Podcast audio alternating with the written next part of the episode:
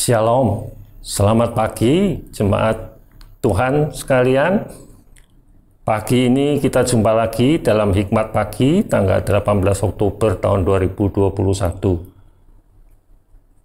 Bersyukurlah karena tidak berkesudahan kasih setianya dari Tuhan dan tak habis-habisnya rahmatnya dan selalu baru setiap pagi.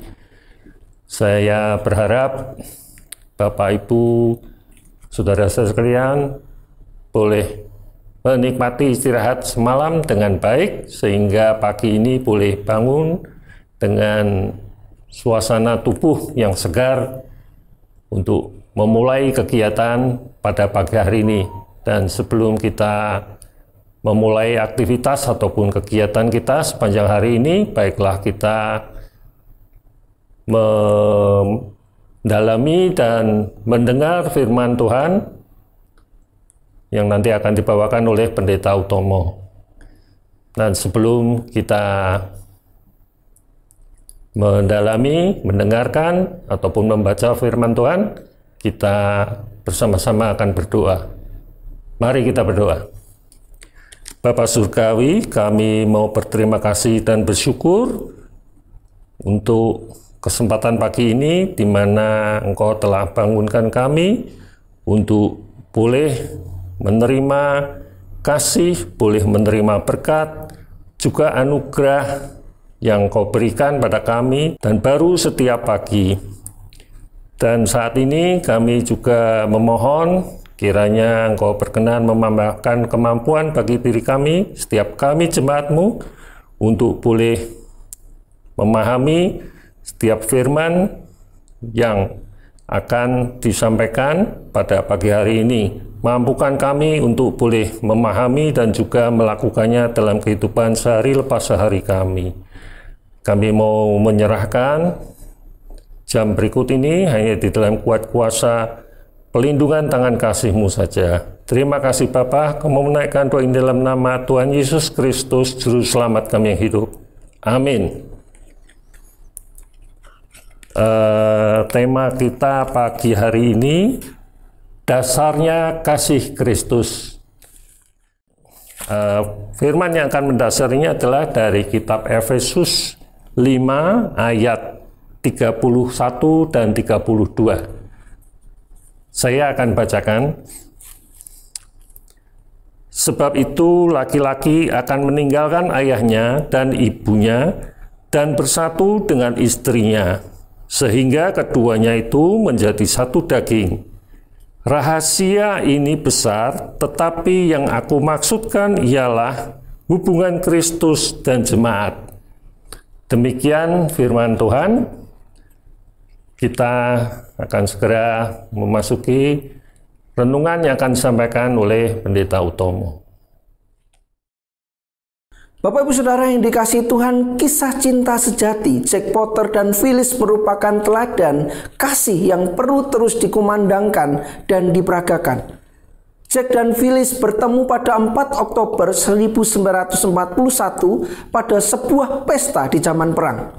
Jack adalah seorang yang sangat suka menulis di buku hariannya. Maka ia tulis pertemuannya dengan Phyllis dan kisah-kisah cinta mereka. Cinta Jack tidak bertepuk sebelah tangan. Phyllis pun mencintai Jack dan mereka melanjutkan ke jenjang pernikahan. Mereka tinggal di Kent, Inggris dan hidup bahagia sampai Phyllis terserang penyakit demensia yang berangsur-angsur memudarkan ingatannya.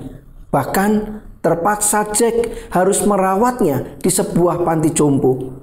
Meskipun demikian, Jack selalu setia datang ke panti dan menemani Phyllis Ia membacakan buku hariannya dan memperlihatkan foto-foto kenangan mereka. Jack berupaya mengingatkan Phyllis akan cinta mereka dan ajaibnya, walau lupa, Phyllis selalu gembira bersama Jack. Ketika Jack mengantarnya kembali ke kamar, Phyllis menggenggam erat lengan Jack dan memeluknya. Bapak Ibu Saudara yang dicintai Tuhan, sebuah kisah cinta yang luar biasa. Semestinya kehidupan keluarga-keluarga Kristen juga harus menghadirkan dan mewujudkan cerita kasih yang sejati serta menginspirasi bagi dunia. Mengapa demikian? Karena keluarga-keluarga Kristen dibangun atas dasar kasih Kristus. Rasul Paulus memberikan nasihatnya kepada jemaat Efesus, khususnya setiap keluarga agar mempraktikkan gaya hidup keluarga Kristen yang selaras dengan Kristus. Paulus mengajarkan bahwa pasangan suami istri harus mengembangkan relasi saling mengasihi dan menghormati. Istri tunduk kepada suami dan suami mengasihi istri seperti dirinya sendiri. Relasi saling tersebut didasarkan kepada hubungan Kristus dan jemaat, di mana Kristus sebagai kepala jemaat telah menyerahkan dirinya bagi kehidupan jemaat, sedangkan jemaat tunduk serta hormat kepada Kristus.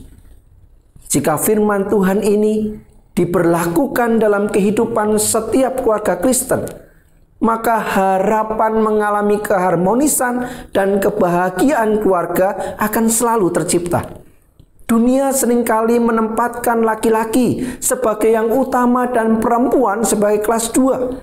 Keluarga-keluarga Kristen masa kini tidak demikian. Karena memilih berperan bersama secara optimal serta setara. Dasarnya berbeda, hasilnya pasti berbeda. Mari kita berdoa. Bapak yang baik kami datang di hadapanmu. Kami bersyukur Tuhan untuk keluarga kami masing-masing. Di mana Tuhan mengaruniakan segala kebaikan dalam hidup keluarga kami. Namun jujur harus kami akui sering kali kami memberlakukan sesuai dengan keinginan dan nilai-nilai kami sendiri. Pagi ini ketika kami diingatkan bagaimana keluarga semestinya hidup dalam dasar kasih Kristus, biarlah kami semua dimampukan untuk memberlakukannya, untuk menerapkannya, dan itu menjadi gaya hidup keluarga kami. Berkati kami hari ini Tuhan, dan kami percaya anugerahmu dan kasih karuniamu melingkupi kami, dan kami boleh mendapatkan kebahagiaan yang datang dari Tuhan. Di dalam nama Yesus kami berdoa. Amin. Bapak ibu saudara yang dicintai Tuhan, Tuhan sangat mengasihi keluarga. Tuhan memberikan hal-hal yang baik untuk kita terapkan dan kita berlakukan. Keluarga mendapat tempat istimewa di mata Tuhan. Tuhan sangat mengasihi setiap keluarga dan punya rancangan terbaik atasnya.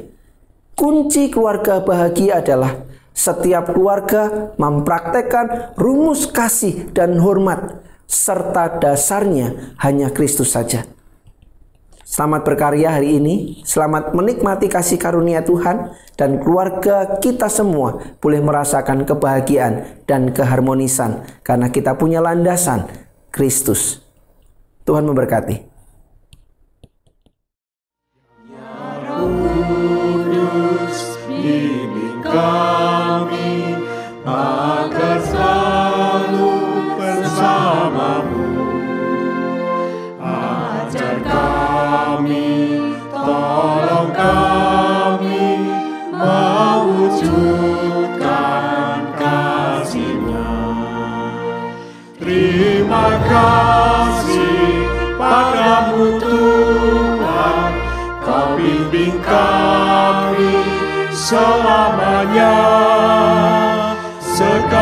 Hormat, syukur kami panjatkan